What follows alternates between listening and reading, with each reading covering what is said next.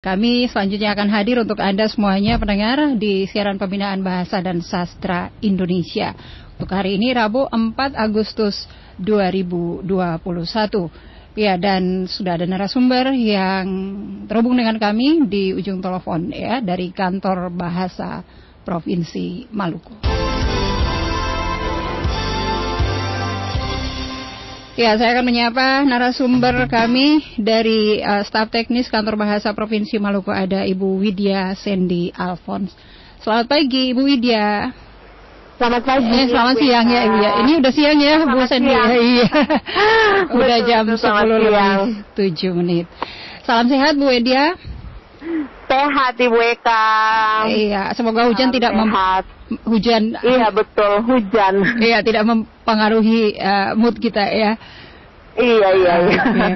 Oke dan uh, pendengar kita kembali berjumpa di uh, siaran pembinaan dan uh, pembinaan bahasa dan sastra Indonesia di kesempatan hari ini Rabu 4 Agustus 2021.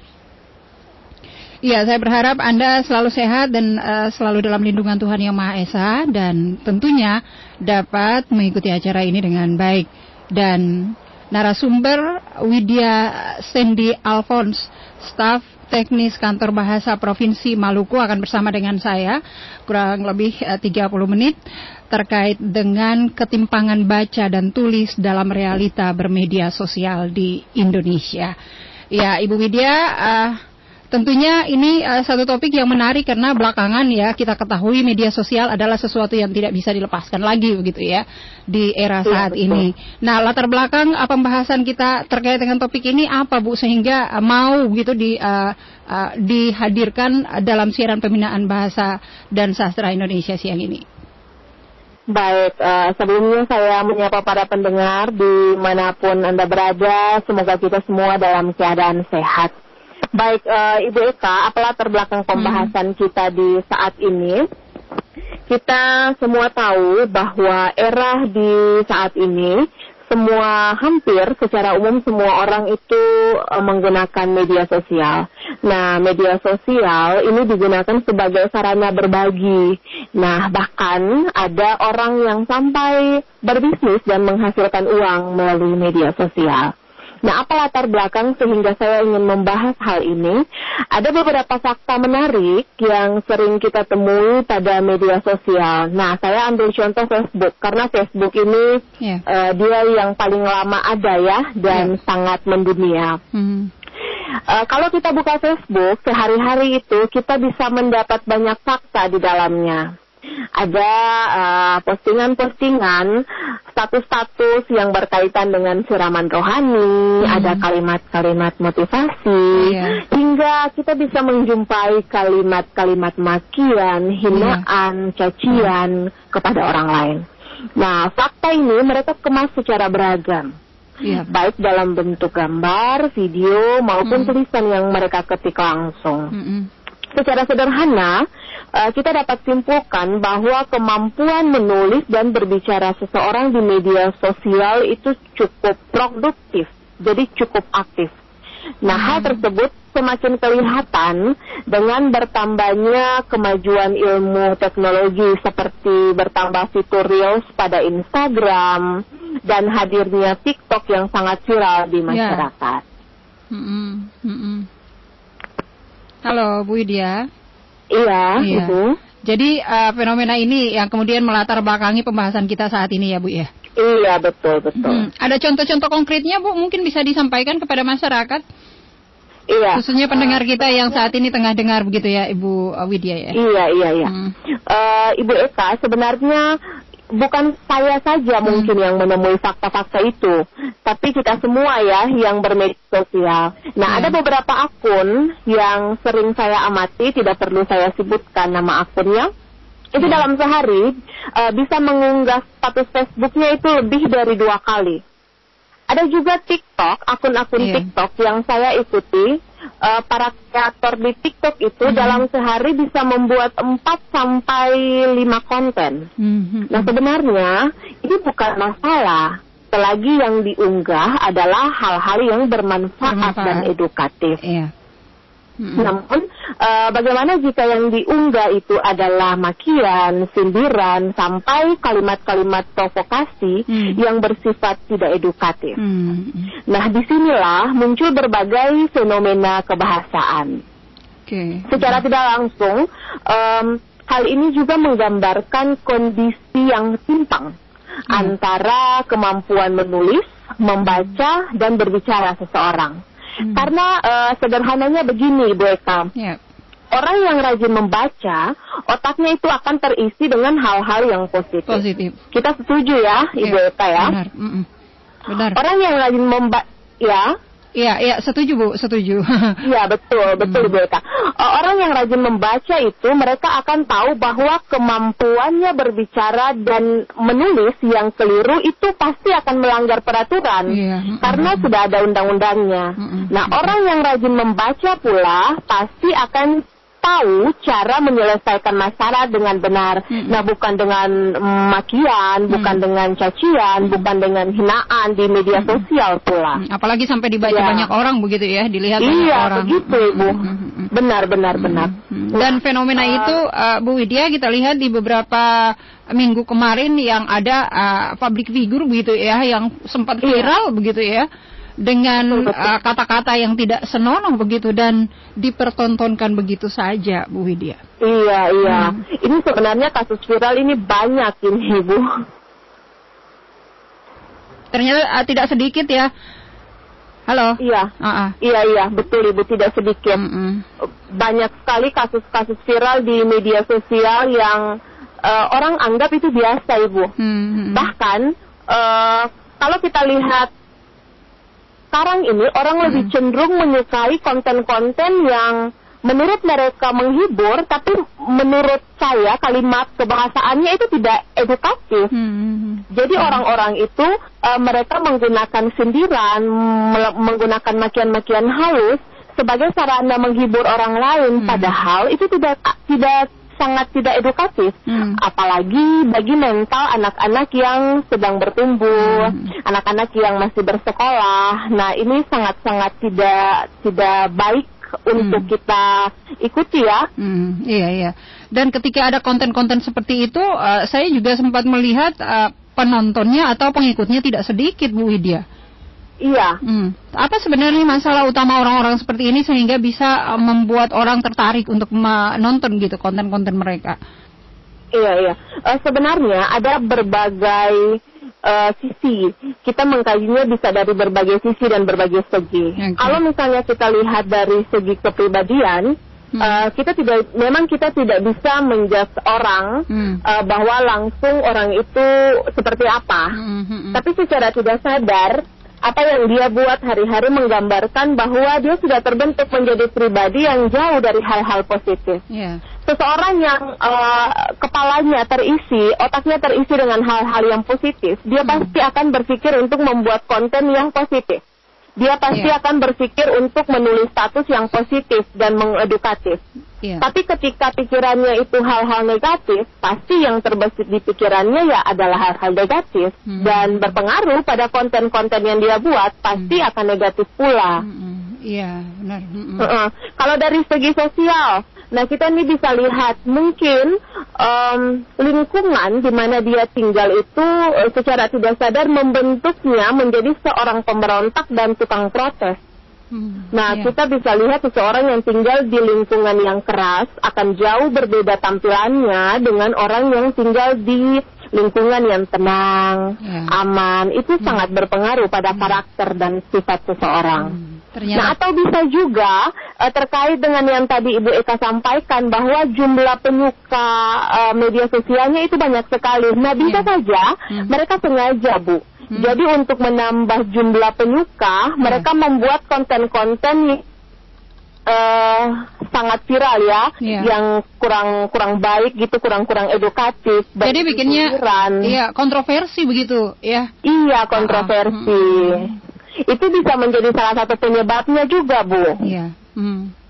Ternyata penyebabnya uh, untuk menarik begitu ya, menarik iya, menarik orang, perhatian, menarik perhatian orang untuk uh, menonton begitu ya.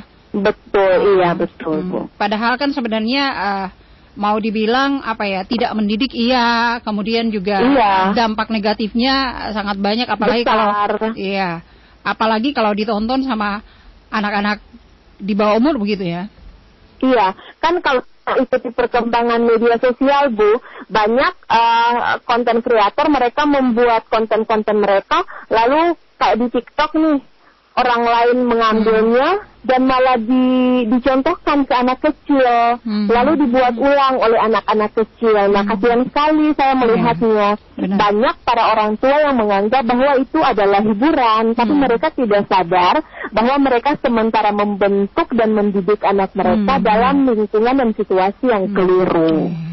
Oke. Lalu dari sisi bahasa, uh, Bu Widya, apa kaitannya Bu sehingga ini bisa uh, Ibu angkat untuk uh, dibahas pada saat ini? Iya. Uh, kalau kita berbicara tentang kemampuan menulis, kemampuan membaca dan kemampuan berbicara, uh, berarti banyak ya masih banyak dan jarang orang itu tahu bahwa hmm. bukan jarang orang tak orang jarang menyadari oh sebenarnya mereka sedang bermain-main dengan bahasa. Hmm. Artinya bahwa media dari berbicara, menulis dan membaca hmm. itu adalah bahasa sendiri. Jadi sangat erat, yeah. sangat erat bahasa dengan hal-hal tersebut. Nah, orang orang yang menyelaraskan antara baca dan tulis atau yeah. baca dan bicara adalah orang yang paham bahwa hmm. sesuatu yang tidak seimbang pasti akan mengorbankan satu sisi. Hmm. Jadi berat sebelah pasti akan uh, kan. Nah, apa kaitannya dengan bahasa? Yeah. Pak, kita di Ambon uh, hari-harinya dalam Melayu Ambon kita bilang jangan komen kalau saya tahu apa-apa. Iya, kalau katong saya tahu akan pun kebenaran jangan bicara apa-apa jangan sampai hmm. yang katong bicara itu jadi bumerang per katong diri. Hmm, benar. Nah, ya. satu komentar atau tulisan yang tidak mendasar akan menimbulkan masalah bagi diri sendiri. Ya, benar, nah, benar. kalau katong lihat ini sekarang Ibu Eka uh -huh. banyak uh, berkaitan dengan kasus-kasus COVID-19 ini munculnya berbagai kalimat provokasi di media sosial. Hmm. Nah, hal tersebut tentu karena kita kurang membaca, lalu hanya ingin memprotes karena merasa kurang setuju. Okay. Atau yang lebih parah dari segi bahasa itu uh, yang sering muncul, seseorang itu dia tidak mampu memahami maksud dan tujuan dari suatu hal sehingga dia meresponsnya di luar maksud dari hal yang ia dengar maupun yang dia lihat. Hmm. Seperti itu kira-kira kaitannya hmm. dengan bahasa itu. Oke okay, baik, baik Bu Widya, uh, kita jeda sebentar Bu ya. Nanti akan baik, kembali lagi uh, setelah kita dengarkan yang berikut ini. Siap Ibu ya.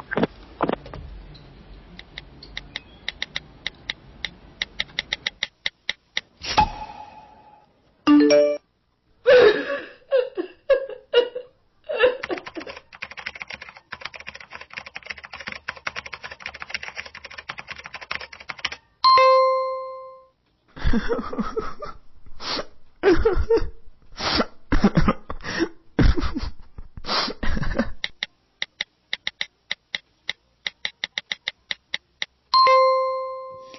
salah apa sih? Kok komennya jahat-jahat gini?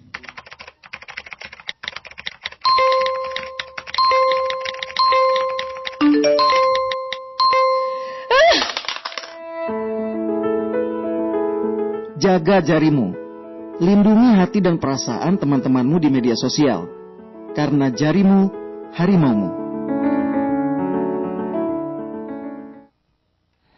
Ya, kita kembali lagi pendengar di siaran pembinaan bahasa dan sastra Indonesia dan masih ada Ibu Widya di ujung telepon yang akan membahas uh, selanjutnya ya terkait uh, dengan ketimpangan baca dan tulis dalam realita bermedia sosial di Indonesia. Bu Widya.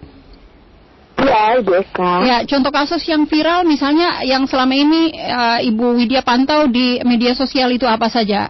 uh, mungkin bisa jadi pembelajaran untuk para pendengar kita. Bu Widya silakan. Iya, uh, saya kita baru-baru ini tidak asing ya dengan satu kasus viral pendongeng makanan Ade Putri Paramadita yang berkunjung di KI sana dan melalui video itu dengan percaya diri uh, dia berbicara yang mungkin maksudnya untuk ditonton banyak orang, yeah. namun secara tidak sadar dia mengubah konten tersebut menjadi kecaman bagi banyak orang. Mm. Nah kalau kita lihat dari uh, video pendek yang sempat viral di media sosial yeah. itu, mm-hmm. kemampuan berbicara uh, Ade Putri ini memang dia baik, hmm. tetapi uh, bahasa yang digunakan untuk menyampaikan maksud justru membuatnya terperangkap dalam sebuah hmm. masalah. Yeah. Nah, uh, ketika dia bilang uh, ikan kuah kuning itu tidak enak, uh, maksudnya mungkin bukan hinaan ya, hmm. sesuai hmm. klarifikasi yang dia sampaikan kepada masyarakat, hmm. khususnya orang di Maluku. Mungkin itu bukan hinaan menurutnya, yeah. tapi kita orang Maluku yang mendengar itu kita menganggap sebuah hinaan hmm. karena bilang makanan yang kita gemari hmm. uh, itu tidak enak. Nah, yeah. mungkin uh, bukan hanya kasus pendongeng makanan ini, tapi hmm. masih banyak ada kasus-kasus pencemaran yang terjerat hukum karena penggunaan media sosial yang tidak disertai dengan ke kemampuan yeah. menulis dan berbicara yang hmm. baik. Um, normalnya, ini normalnya yeah. ketika seseorang itu tidak paham arti suatu istilah atau tidak mengerti, uh, lebih baik dia akan memilih untuk tidak menyebutkan atau mungkin hmm. akan mencari tahu terlebih dahulu yeah. bukan main lepas hmm. sehingga menjadi bumerang bagi diri sendiri. Okay. Saya mengangkat, ya. mengangkat kasus Ade Putri ini karena cukup viral ya di masyarakat khususnya di Maluku belakangan ini. Iya. Yeah. Mm, dan uh, belajar juga ibu. Uh, uh, dan uh, kemudian mungkin uh, Bu Widya uh, bagaimana cara kita untuk menyikapi hal-hal seperti yang uh, terjadi seperti yang uh, Bu Widya sebutkan tadi? Iya, um, memang untuk uh, kita menawarkan sesuatu yang sudah terlanjur asin itu agak susah ya, Ibu hmm, Eka ya. Yeah. Uh, seseorang yang sudah terpenjara dengan situasi yang tidak kondusif pasti membutuhkan waktu untuk mendamaikan dirinya hmm. sendiri. Yeah. Namun uh, saya berharap hal-hal seperti itu tetap menjadi perhatian kita bersama. Mm-hmm. Nah kita bisa memulai dengan hal-hal yang sederhana, mm-hmm. terus kita keluarkan ke lingkungan kita dan lama kelamaan saya percaya itu akan menjadi budaya. Mm-hmm. Nah tentunya uh, kita sebuah perjalanan itu tidak tidak akan lancar, pasti akan ada hambatan ya uh, sesuatu yang putih mungkin saja itu ada sedikit noda atau titik hitamnya. Mm -hmm. Nah artinya uh, dalam bermedia sosial bisa saja kita tetap akan dijumpai dengan orang-orang yang menyalahgunakan media sosial untuk hmm. menulis atau berbicara hal-hal yang tidak edukatif. Hmm. Tapi kita tidak perlu menanggapi secara serius karena ketika mereka melenceng tidak sesuai, ya mereka pasti akan diproses uh, dengan kode etik yang berlaku. Hmm. Nah ini bagi anak-anak muda khususnya yeah. yang ada di Maluku, kita di timur itu sering dianggap sebelah mata. Betul. Nah, hmm. munculkanlah karya-karya hebat hmm. dalam bentuk tulisan atau video-video singkat yang hmm. dapat mengedukasi banyak orang karena media sosial adalah wadah untuk hal itu. Iya, nah, iya. kita juga bebas memilih teman di media sosial. Hmm. Jadi kalau kita memiliki kebebasan itu, mari kita pilih teman yang memberi dampak positif bagi kita. Oke. Okay. Seperti itu. Iya, dan uh, Ternyata sangat penting ya Bu Widya ya uh, menata kemampuan menulis kita juga berbicara kita dalam menggunakan media sosial itu sehingga uh, netizen atau uh, pengikut kita atau penonton kita bisa memahami apa yang kita sampaikan melalui tulisan maupun uh, kemampuan berbicara kita begitu ya Bu Widya? Iya tentu Ibu. Jadi uh, mampu menata menata kemampuan menulis dan berbicara itu sangat penting. Hmm. Ya seseorang hmm. yang menggunakan media sosial pasti sadar bahwa semua postingannya itu akan dilihat dan dibaca oleh banyak orang. Ketika seseorang itu dia menghargai dirinya sendiri, dia akan menulis dan membicarakan hal-hal yang tidak mempermalukan diri sendiri yang dia rasakan secara pribadi maupun lewat penilaian orang lain. Nah, untuk bermedia sosial, seseorang sebenarnya tidak perlu kursus bahasa secara khusus, tetapi seseorang perlu mengetahui maksud dan arti dari bahasa yang dia gunakan. Iya. Nah, mm kalau kita belajar dari kasus Ade Putri di atas, mm berdasarkan klarifikasi yang tadi saya sampaikan, ia tidak maksud menghina, tetapi bahasa yang ia gunakan Hmm. kita pahami sebagai hinaan. Hmm. Nah, kenapa? Karena kemampuan berbicaranya itu Hmm. tidak disertai pemahaman dari maksud kalimat yang ia Iya. sampaikan. Dari Nah, sinilah ya. Itu, Iya, dari uh, contoh seperti yang di uh, sudah Ibu Widya sebutkan terkait dengan uh, adik putri ini ya, mungkin kita uh, mulai uh, sekarang belajar begitu ya menata kemampuan kita dalam uh, menulis juga berbicara, khususnya di media Betul. sosial ya, karena media sosial saat ini uh, luar biasa perkembangannya ya, pesat sekali Iya. dan banyak sekali yang hampir setiap orang memiliki gitu ya. Uh, handphone yang bisa mengakses kapan saja di mana saja begitu sesuka hati ya. Uh, sehingga uh, seperti yang Ibu Widya katakan uh, menata kemampuan menulis dan berbicara adalah sesuatu yang harus kita lakukan saat ini. Iya, mau Hmm. tidak mau Iya, Ibu ya. oke. Mau tidak mau. Ya, dan uh, dari uh, perbincangan kita di siang ini uh, Bu Widya ya, mungkin uh, apa yang bisa kita ambil gitu, ada yang bisa kita ambil dari kasus-kasus atau mungkin pengalaman langsung ya saat bermedia sosial tentang uh, kemampuan menulis dan berbicara, Bu Widya. Iya. Eh, pesan saya secara umum ya bagi semua teman-teman yang mendengar siaran ini, mari kita mulai dari diri kita sendiri.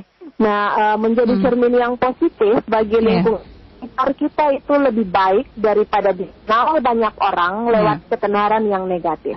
Hmm. Ya, selain merugikan orang lain, secara tidak sengaja kita juga membentuk pandangan orang yang buruk terhadap kita. Ya. Nah, media sosial itu sudah sangat membantu kita di era ini. Hmm. Oleh karena itu, mari kita bijak menggunakannya agar Hmm. kondisi kita ini dapat bergerak maju, bukan tertinggal dalam kondisi dan situasi yang memprihatinkan. Iya. Jadi eh, di akhir siaran ini saya ingin sampaikan kepada teman-teman Ya, silakan Eh, dulu. bahasa Indonesia itu adalah ilmu yang memediakan banyak banyak ilmu. Jadi kalau kita eh, mau pelajari banyak ilmu, mari kita pelajari dulu hal dasarnya yaitu bahasa. Mhm. Kalau kita mau bermedia sosial menjadi konten-konten kreator yang hebat, mari kita belajar bahasa. Mhm. Paling tidak aturan dan kaidah dasarnya kita Mhm. tahu Mhm. agar tidak menjadi bumerang bagi diri Hmm. sendiri. Atau mungkin bisa juga ya ketika membuat sebuah konten uh, jangan berbicara sesuka hati gitu ya tanpa konsep. Alangkah baiknya dikonsepkan begitu ya Bu ya.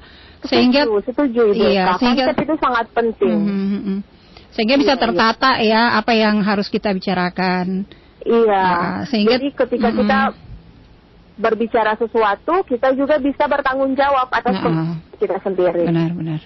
Oke. Iya. Baik, uh, Bu Widya ya, semoga yang kita bicarakan siang ini bermanfaat bagi uh, teman-teman pendengar kita karena memang uh, apa yang kita bicarakan siang ini sangatlah uh, bermanfaat dan berguna sekali di era saat ini ketika semua orang ingin bermedia sosial tapi kemudian uh, menyalahi begitu ya. Menyalahi dalam artian uh, tidak lagi memikirkan hal-hal yang uh, mungkin saja menjadi budaya kita orang timur begitu ya yang Iya, saling setuju. menghargai begitu ya. Apalagi kata-kata yang dikeluarkan juga uh, belakangan kita lihat geleng-geleng kepala kita ya. Iya. Ha. Oh, luar biasa ya konten-konten yang dihasilkan anak-anak muda malah. Hmm, iya. Meskipun tidak sedikit juga yang punya konten-konten positif gitu ya Bu Widya. Iya. Banyak eh, banyak konten-konten tentang budaya yang mulai kabur, Hmm. tapi munculnya konten-konten anak muda yang mereka anggap itu kreatif dan menghibur, yang Hmm. justru malah mengaburkan budaya sendiri. Bablas gitu istilah kerennya ya Bu. ya. Bablas, iya. Oke, baik terima kasih Bu Widya untuk waktunya. Lain waktu mungkin Iya. uh, kita bisa lanjutkan lagi dengan pembahasan ini karena memang waktunya singkat Bu ya. Uh, pembahasan ini sungguh menarik karena anak-anak muda kita perlu edukasi terkait dengan uh, kemampuan berbicara dan menulis dalam uh, cermin media sosial di Indonesia ini, uh, Bu Widya. Iya. Ya, terima kasih waktunya Bu. Sukses dengan segala aktivitas. Salam untuk teman-teman di kantor Iya. bahasa Bu. Iya. Terima Dan kasih Bu Eka, salam juga bagi semua yang bertugas di studio. Ah, baik, terima kasih Bu Widya Iya, waktunya. selamat Selamat siang. siang, sampai jumpa lagi. Ya, pendengar demikian tadi ya, Anda sudah mengikuti siaran pembinaan bahasa dan sastra Indonesia hari ini, Rabu 4 Agustus 2021 bersama staf teknis Kantor Bahasa Provinsi Maluku, ada Ibu Widya Sandi Alphonse terkait dengan ketimpangan baca dan tulis dalam realita bermedia sosial di Indonesia. Kita berpisah, jumpa lagi di siaran pembinaan bahasa dan sastra Indonesia pekan depan.